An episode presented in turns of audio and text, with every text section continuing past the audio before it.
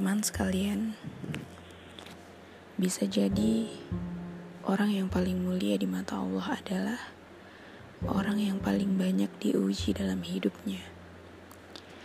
Diuji dengan ditinggalkan oleh orang-orang kesayangannya, kehilangan pekerjaannya, dimusibahi dengan sakitnya, dirugikan dalam jual belinya.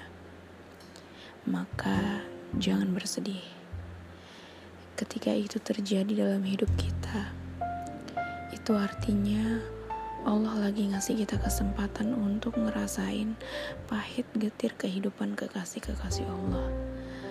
Pahit getir kehidupan Asiyah istri Fir'aun, Yusuf alaihissalam, Siti Hajar, dan masih banyak lagi kekasih-kekasih Allah lainnya. Maka jangan bersedih ketika itu terjadi dalam hidup kita itu artinya Allah lagi perhatian sama kita.